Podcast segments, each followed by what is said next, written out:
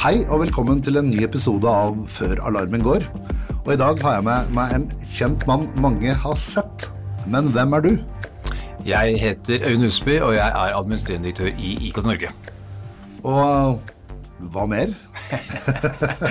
Ja, vil du vite? Jeg, er, eh, jeg har bakgrunn økonom, jeg har vært fem år som konsulent eh, og har jobbet eh, i 25 år i telekombransjen eh, i ulike stillinger der og ansvar for ulike områder. Eh, Og så har jeg vært eh, ansvarlig for IKT Norge de siste to årene. Og det som er kjennetegnet hele den eh, tiden der, er brennende engasjement og personlig interesse for teknologi og den innvirkning teknologi har på samfunnet. Og nå i senere tiden så er det å se på hvordan teknologi er helt avgjørende for å løse de store utfordringene vi står overfor. Om det er det grønne skiftet, om det er digital suverenitet og den biten der. Så gikk også på Forsvarets sjefskurs i forfjor, eh, og har også litt bakgrunn fra Forsvaret tidligere. Så, så både en, eh, teknologi, eh, forsvar og betydningen dette har for både skiftene vi skal gjennom, men også for å opprettholde demokrati og ytringsfrihet i en verden hvor dette også er truet. Så, så er, teknologi har vært en bærer hele tiden, men den påvirkningen og innvirkningen og betydningen teknologien har for egentlig menneskets utvikling. Det er jo en eh, veldig god innledning, og det er jo ikke så rart at du da sitter som eh, sjef for IKT Norge. Men hva er IKT Norge? Ja, IKT Norge arbeider heldigvis med mye av det jeg sa, sa nå. Og Det er årsaken til at jeg tok den jobben her også. Det er å, å, å legge til rette for å være en pådriver eh, for at teknologi kan spille en positiv forskjell, forskjell i samfunnet framover. Så vi har medlemmer som alle de som bygger infrastruktur, og de som bruker den digitale infrastrukturen, de som leverer tjenester, eh, de som leverer eh, sikkerhet, de som leverer konsulenttjenester, de som leverer juridiske tjenester. altså all, vi, vi representerer på en måte utrolig mye av de innsatsfaktorene du trenger for å få til digitale skifte i samfunnet. Ja, For du påvirker veldig mye mer enn bare medlemmene. Ja, veldig mye mer. Og vi, har, vi er jo en, eh, vi er, vi er en uavhengig interesseorganisasjon med over 300 medlemmer. Så vi er både en, en veldig aktiv lobbyorganisasjon mot myndighetene. Nå er det jo statsbudsjettet som er det store som kommer nå. Eh, Men alle, alle, alle politiske beslutninger, høringer og sånt, det er vi aktive på. Og så er vi skape en arena for medlemmene våre. Eh, både for å utveksle erfaring, eller gjøre business, eller, eller, eller få, få et større nettverk for å gjøre de påvirkningene som vi ønsker å få til. Også. Så både en lobbyorganisasjon og også en nettverksorganisasjon blant medlemmer, og blant medlemmer av akademia og det offentlige. Ja, jeg anbefaler jo alle å bli medlemmer fortløpende. Ja, men det er jo rett og slett fordi dere gjør en utrolig god jobb. Og jeg er jo til stede på mange av de arenaene og, og kommer tilbake og tilbake og tilbake. Og det hadde man ikke gjort hvis dere ikke gjorde det på riktig måte. Men vi har jo vært litt på tur sammen, og, og du har snakket om kode rød. Eh, noe som jeg virkelig har satt pris på. Og jeg sitter som et tent lys, selv om jeg har fått med meg et par ganger. Eh, og du begynner da med det store trusselbildet. Kan du ta oss igjennom dette? Ja, det, det kan jeg gjøre. Og, og årsaken til at jeg gjør det, er at jeg, etter å ha jobbet eh, et par år i jobben her, så, så syns jeg vi har en altfor dårlig felles situasjonsforståelse. Og hvis du skal få til endringer, så er det avhengig av at alle vet, er, er enige om hvor vi står hen. Mm. eh, og jeg syns det svikter allerede der. Eh, jeg syns altfor få forstår eh, både hvilken trussel vi står overfor, og på bakgrunn av det heller ikke setter i gang de rette tiltakene. Så når det gjelder cybertrusler, så den ene dimensjonen er jo det at eh, hvis du ser på verdien, den økonomiske verdien på cyberkriminalitet, så, og det har vært en, et land, så det er jo noen som mener at det har vært det tredje største landet i verden, bak? Kina og USA. Eh, og det vokser eksponentielt. Eh, like stor verdi som all narkotikaomsetning i verden. Og når du ser hvor raskt denne, og hvor mye ressurser da, som ligger på andre siden eh, mot oss, eh, hvor raskt dette vokser, og, og se på hvor eh, raskt eller hvor sent vi selv eh, girer opp eh, Du mener at de kriminelle er mer på ballen? ja, mye mer på ballen, ass. Både når det gjelder for så vidt innovasjon, og du har crime as a service, ikke sant. Og du er, du har, de, de begynner å få forretningsmodeller som, eh, som jeg tror Vito faktisk hadde innført selv, hvis vi hadde vært på den siden. Så det, har vært veldig, det er veldig gode, mye kompetanse, mye ressurser. Godt organisert. Ja, med er. HR-avdelinger og med ordentlig bra 24 timers 7 serviceavdelinger og sånt. Så, så de er mye, mye sånn eh, bra brain-ressurser, men også veldig mye eh, kapital og økonomiske ressurser. Og hvis du ser på hvor raskt de vokser, og hvor raskt eh, vi og, myndighetene eh, vokser i forhold til innsatsen mot dette, så, blir gapet større og større og større. Hvis du bare ser på NSM sin vekst på antall ansatte siden 2016, så er vel det syv personer, ikke sant? Og, mens, Og det burde eh, vært. Ja, det burde vært mye mer. At du så. Frankrike ansatte 1500 nye nå, ikke sant? På bakgrunn av det som skjedde for tolv måneder siden, mens, mens norske regjering kuttet i cyberforsvaret i januar. De kuttet i cyberforsvaret, og vi var jo Vi gikk jo selvfølgelig ut mot det, og så kom krigen, og så tok det tilbake noe av det. Men det sier noe om forståelsen ja. blant myndighetene på hva som er faktisk uh, trusselbildet. NC3 har vel uh, staffer opp en stor avdeling nå? Ja, de gjør det. Og det, det skjer veldig mye positivt ja. hos myndighetene. Både med cybersenteret med NSM har gjort veldig mye bra, NC3 gjør mye bra. Så, mm. så det er veldig mye bra som er i Men det går for sakte? Ja, det går, det går litt for sakte. Og vi ønsker jo å være med og spille på lag med alle de gode kreftene for å få dette til å gå fortere. Mm og for å eh, jobbe mer helhetlig med det. Altså, vi kan jobbe med politisk påvirkning, vi kan jobbe blant medlemmene våre, vi kan få fram kompetansen. Um, og vi kan få fram ikke minst, tror jeg, den felles situasjonsforståelsen. Og det er årsaken til at vi lagde denne uh, serien Kode rød, ja. nettopp for å sette sammen Ja, for det ga meg en sånn derre jeg, jeg satt igjen og så tenkte jeg men faen, er det ingen som har kontroll på dette her, tenkte jeg da. Ja, for du satte ting veldig i perspektiv. Du begynte med noe hvordan de patruljerer norskegrensene. Ja, ja. Nei, det, det, det, som er, det som er bakgrunnen, det, det, jeg sa innledningsvis, var jo liksom den trusselen som har vært de senere årene, og som vokser, og, og veldig store økonomiske ressurser. Men det som kjennetegner vår tid, er jo at det kommer stadig mer dramatiske endringer som påvirker alle rammebetingelsene rundt de beslutningene vi gjør, som gjør at vi må tenke nytt hele tiden. Vi må ikke låse oss i etablerte oppfatninger av, av hva som eh, er eh, de riktige løsningene. Og så eh, så, så jeg bare på altså, fire hendelser i, i, februar i år. altså Hvordan det kanskje vil være med å påvirke Norges historiske utvikling framover. Mm. Og det første, det første er 4. februar. Eh, hva skjedde da? Jo, da var det åpning av olympiske lekene. Men det viktigste var jo at, eh, at eh, Putin og, og Xi inngikk en historisk avtale hvor de sier at de skal danne et, et nytt, ny verdensorden basert på sine prinsipper om hva det bør være. Og de skal gjøre det ved å utkonkurrere Vesten på teknologi, spesielt på kunstig intelligens og cyberkapasiteter.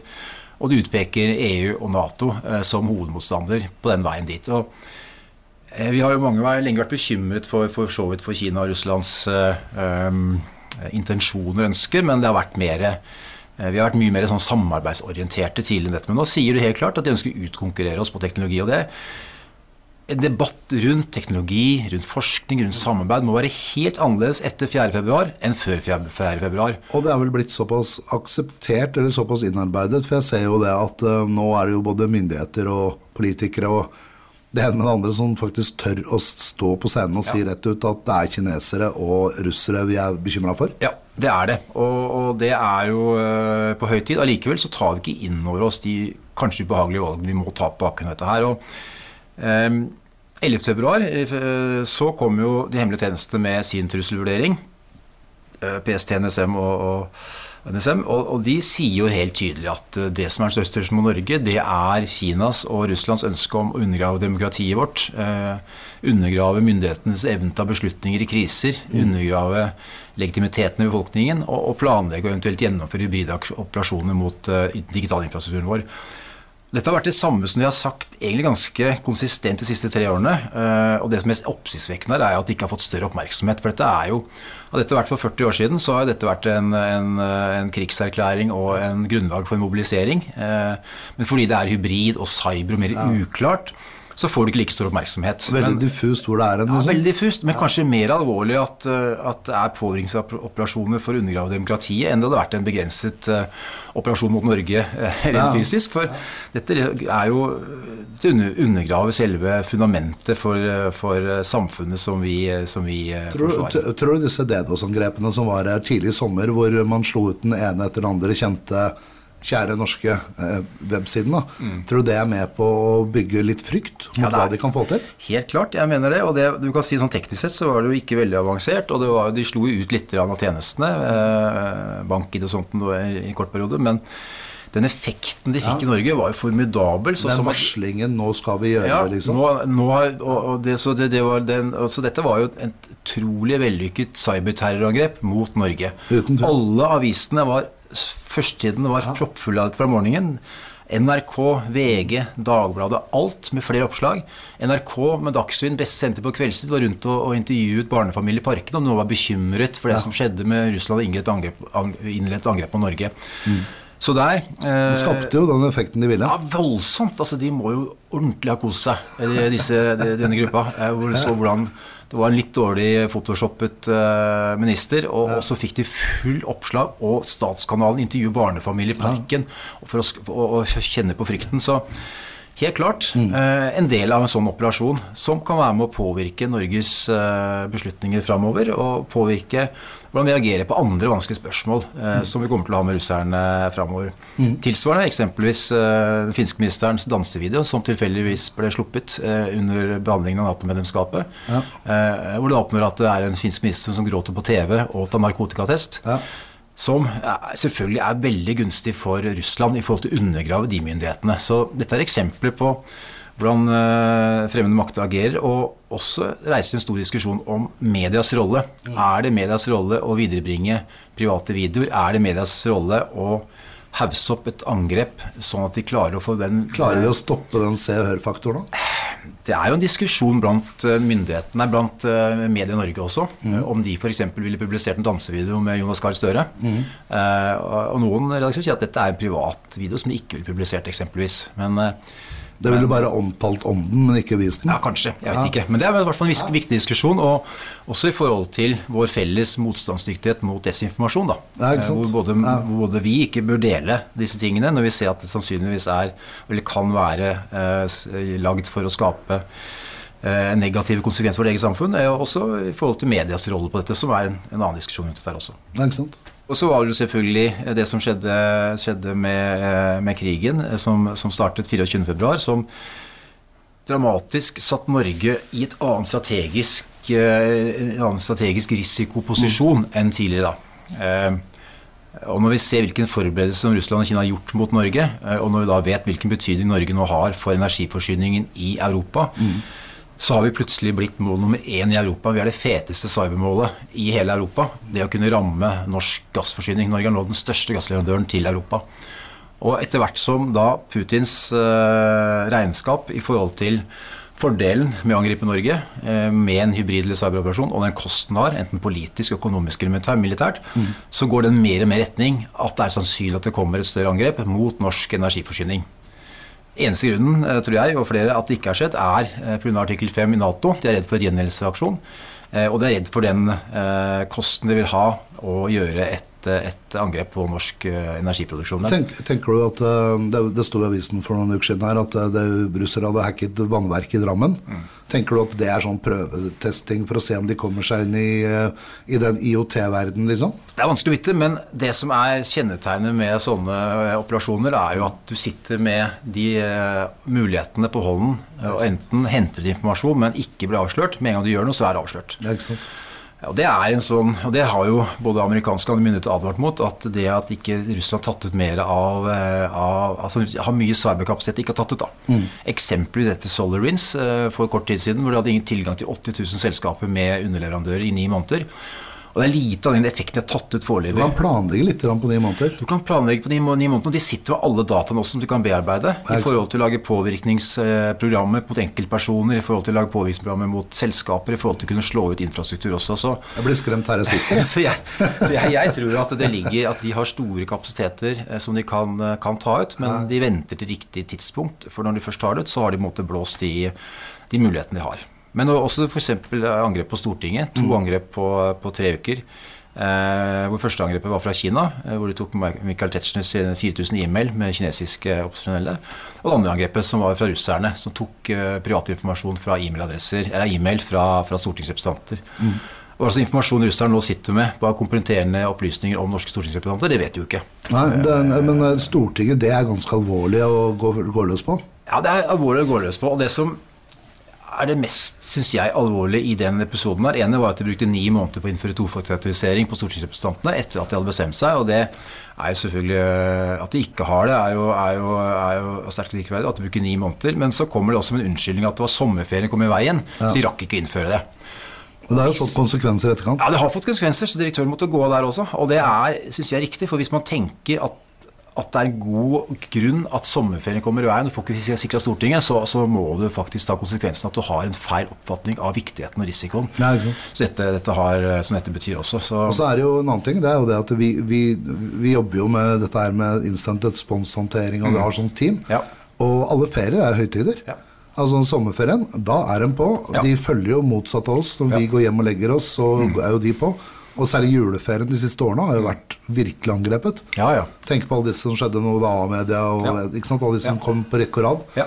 Så det, det å gå hjem i sommerferien, litt usikker. Ja, Det er ikke lurt å ikke bruke det som unnskyldning for du ikke sikrer, eh, sikrer Stortinget. Uh, så det, men det går gjennomgående på veldig mange case at vi mangler den felles situasjonsforståelsen som jeg begynte å snakke om. Vi mangler den forståelsen på eh, viktigheten, betydningen og at det faktisk kreves noe å være leder i dag i forhold til å ta det ansvaret. Både offentlig og privat. Eh, Og i akademia så inngår det å ha kontroll på cybersikkerheten en like viktig del som det å ha en digital strategi eller ha regnskapet sitt i orden. Så du mener at man bør få en som kan IT-sikkerhet opp på styrerommene, bort hos alle, i hvert fall større, mellomstore store. Helt klart. Og, og, det svakeste leddet i mange tilfeller er jo styrerommet. At de ikke har nok forståelse eller kompetanse eller, eller, eller evne til å stille riktige spørsmål. Verken kanskje på digital strategi og transformasjon, men heller ikke på cybersikkerheten. Og Du kan ikke si at du, jeg leverte ikke riktig regnskap, jeg fikk noen anmerkning, for jeg kan ikke regnskap. Du kan ikke si det. Og det tilsvarende kan du ikke si at jeg ble hacket, for jeg kan ikke så mye om det cybergreiene. Eh, Så det er, Det er en forskjell på det, for det, på regnskap så er det jo struktur og regler. Og på sikkerhet så er det best effort, er det ikke det? Det er, det er mye det. eh, Og der bør vi etablere mer krav og mer Ja. standarder eh, for å sikre at vi har et minimumsnivå i forhold til eh, hvordan dette skal være. Jeg er jo helt enig, og da vil det vil også være mye enklere å lære opp personell til å utføre. Helt klart. Ikke sant? så Hvis det du er- visste hva du skulle utføre. Ja, så det er en av de tingene jeg tror vi må få. Vi må få mye bedre både organisering, struktur, opplæring og også en mye større tydelig, an, eller tydelig plassering av ansvar hos ledelsen også. For dette er forventet. Du kan ikke, du kan ikke sitte og si eh, altså På Østre Toten blir, de blir invitert på på eh, koseprogrammer i forhold til som, hvordan har- gikk det egentlig, hva føler du og sånn. Neste gang så er det debatten i NRK. Du blir invitert. Har- Lærte du ingenting, du? Altså, Du har sett hva som har skjedd. Ja. Så, så det er liksom um, Jeg tror det er, man må ha et holdningsskifte der. Og det er mange eksempler på Har ikke GDPR skapt det holdningsskiftet? Har det ikke vært strengt nok? Har det ikke vært nok bøter? Har det ikke vært nok fokus? Jo, på GDPR så har det vært det. Ja. Og all fokus nå er jo på at du ikke skal miste kundelistene dine. At ikke Ja. det kommer på avveie. Men hvis du blir, og du må rapportere til Datatilsynet. Men hvis du blir hacket, så trenger du ikke å si det til noen. Du kan si det til VG hvis du vil. Og hvis du er under sikkerhetsloven, må du si det til NSM, ellers bør du ikke si det til noen. Nei. Hvis du ikke har fått ting på avveie. Eh, Ja. Så, Og det, er- så og det kan du definere selv, liksom. Det kan defineres selv. Eh, og Det er også noe vi har tatt til orde for, at man må vurdere om det skal være obligatorisk rapportering til NSM på cyberangrep og cyber, vellykket cyberinnbrudd, på tilsvarende som det er obligatorisk å rapportere datainnbrudd til, eh, til Datatilsynet også. Så, Og det, og, og det er jo en jobb som må gjøres hver gang noe skjer, da. Mm. Og da får du faktisk litt mer kontroll, for de mørketallene, når NSR, eh, Næringslivets sikkerhetsråd, gir ut sin mørketallsundersøkelse, det er, ser brutalt ut, og det er trist hver gang, altså. Ja, det er jo det. Og det, det sier noe om omfanget her også. Og, og rundt halvparten, eller kanskje mer enn det, angrepene er jo øh, For det er mange, mange grupperer som hver for seg har sine svakheter. Altså kommunesektoren, hvor IT-sjefen er ansvarlig for IT-systemene, men det er ingen felles ansvar for vann og avløp og, og strøm. Det er elektrikeren ansvar for cybersikkerheten på strømnettet, og så er rørleggeren på vann, vann, vannanlegget. Ja. Setter på sisten. Så det er litt mot et hull. Og når du da kobler på eh, IOT på proprietære systemer som ikke er beregnet til å være på internett, og kobler det på, så, så får du en, en krevende situasjon. og eh, så har du jo myndigheter som ansvarer, f.eks. NVE. eh, Og når de da blir slaktet av Riksrevisjonen i fjor, eh, som sier at NVE har ikke kontroll på cybersikkerheten, det er ikke planer, de har ikke eh, de har outsourcet IT-system til underleverandører uten avtale om rapportering av cybersikkerhet. De har hatt innbrudd, både fysisk på sine kontrollsentre som de ikke kan gjøre rede for, og cyberangrep. Eh, og De har ikke etter, gjort ettersyn eh, som kan avdekke feil heller hos underleverandørene. Og så vet vi at det er akkurat det russerne heter. Akkurat det russerne er ute etter. Og- Og vi hadde, så vi hadde vel samme system som ukrainerne hadde i 2014, men det har vi bytta ut da, på, på, på, på sikkerheten. Og, og NVE går jo nå også ut og sier at de er redd for at russerne kan slå ut også norsk kraftforsyning med, med cyberangrep. Så, så jobber man med å sikre det nå, etter at det har blitt så belyst? Helt sikkert, jeg kjenner ikke det, men det, man, jeg kan ikke skjønne annet enn at man, man må gjøre det. Men jeg syns det, det viser på en måte at vi ikke er der vi skal være. Eh, Og det er mange andre eksempler. Du har f.eks. At, eh, at Valgdirektoratet inviterte altså Først så er jo, først 11. februar så står jo hemmelig tjenesten og sier at Russland har til intensjon å påvirke norske valg. Og Samtidig så går Valgdirektoratet ut og inviterer et russisk selskap til å gå gjennom kildekoden i hele norske valgsystemet.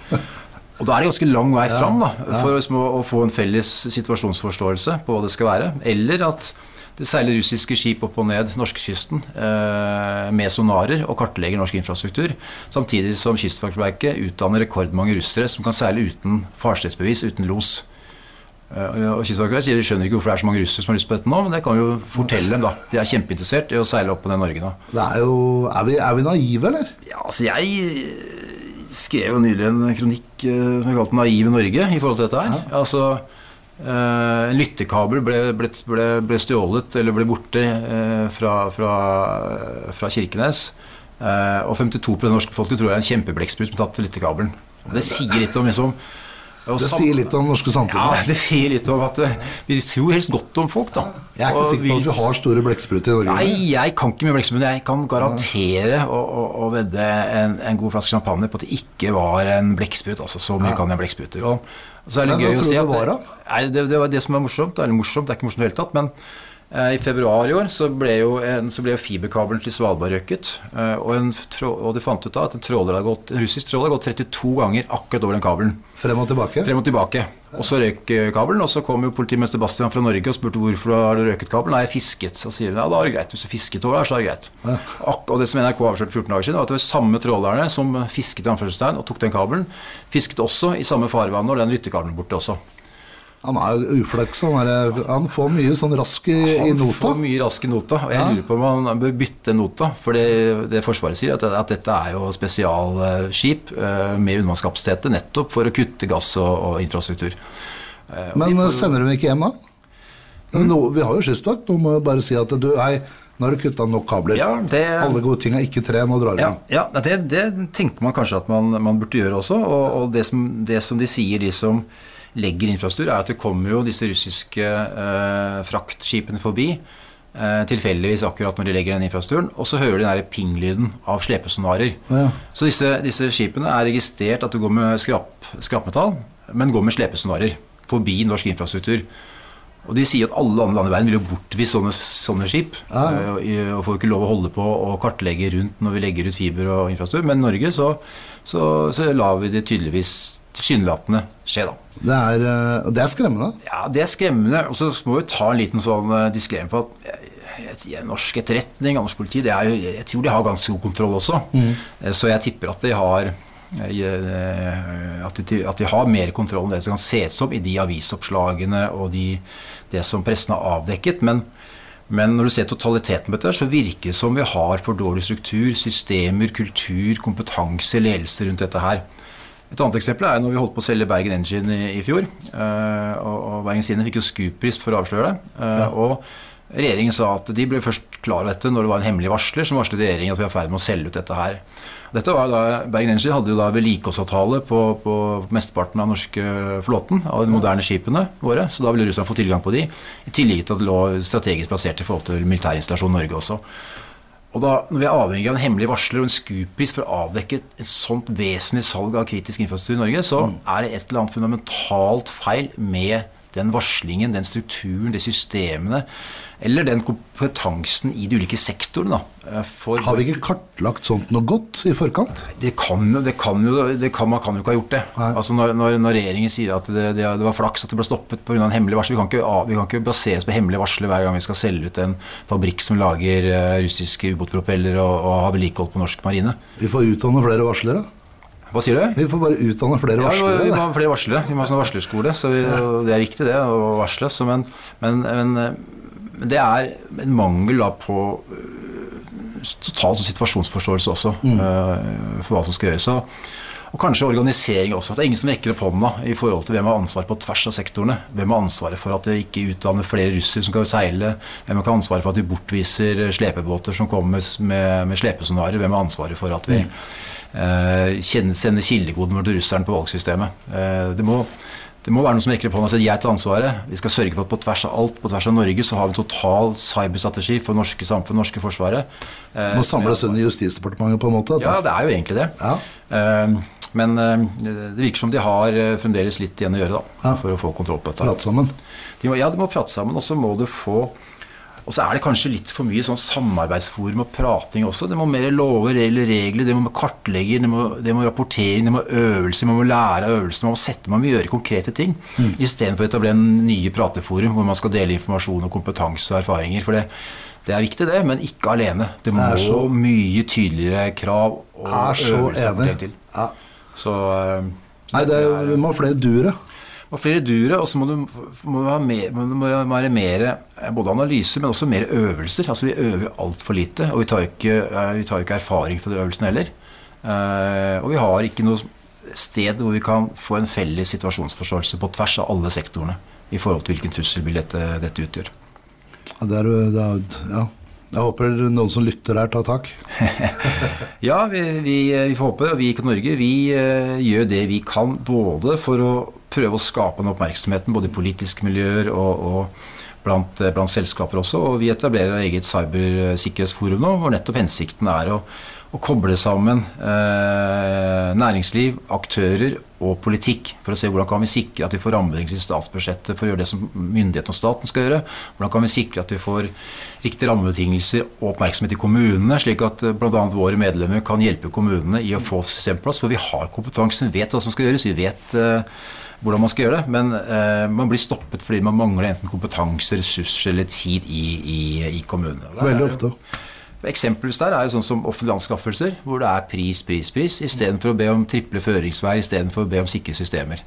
For eksempel. så, så det er mange, mange, områder som man eh, kan gjøre konkrete handlinger. og Det vi gjør i Norge er å koble sammen nettopp det vi får erfaringer fra våre medlemmer mm. på hva som mangler. Eh, og så eh, setter vi sammen med politikerne og gjerne akademia for å finne ut hva er de beste løsningene framover.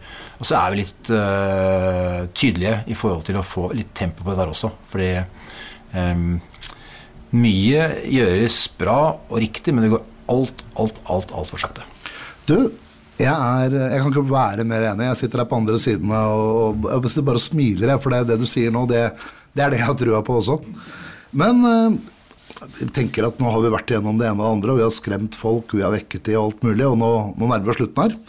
Eh, og da tenkte jeg at jeg skulle gå litt langt ut i siden. Okay. Og så skal jeg spørre, hva er din favoritt-smart device?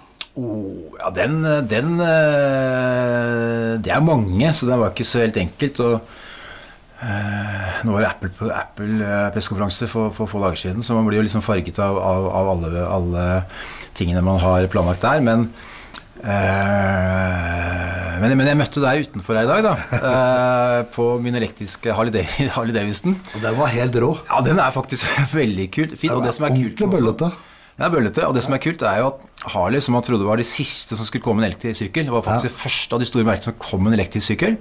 Som jeg syns i seg selv var kult. Og det å tenke nytt, det å være innovativ, og det å tørre å utfordre som etablert business. I tillegg, så Det som imponerer meg mest på den, en ting er at den er 0 til 100 på 3 sekunder. Det er en elektrisk, den går som en kule.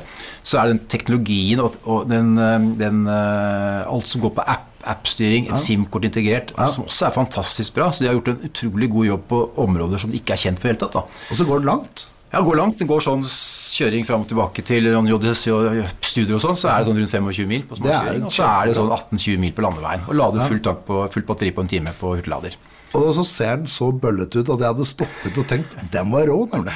Ja, de har gjort en ordentlig god jobb eh, den dagen de designet den, og de satt eh, sikkert overtid og fikk eh, gjort jobben skikkelig ferdig, og den ble, synes jeg ble veldig fin. Hvordan ble den mottatt i Harley-miljøet?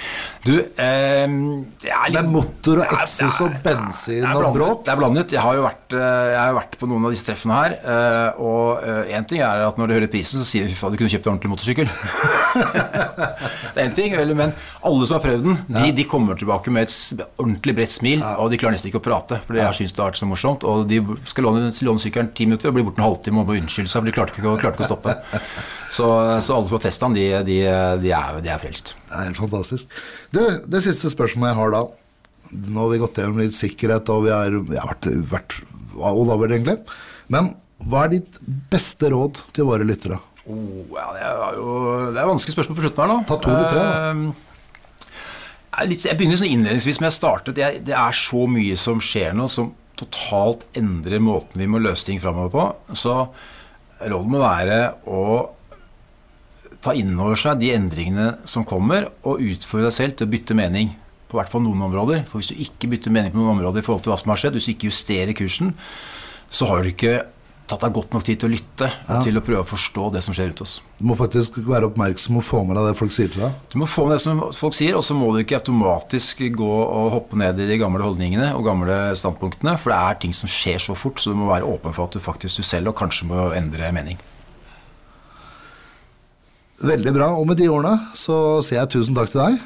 Takk for at vi kom med. Og dere der ute, stay tuned. En ny episode er på vei.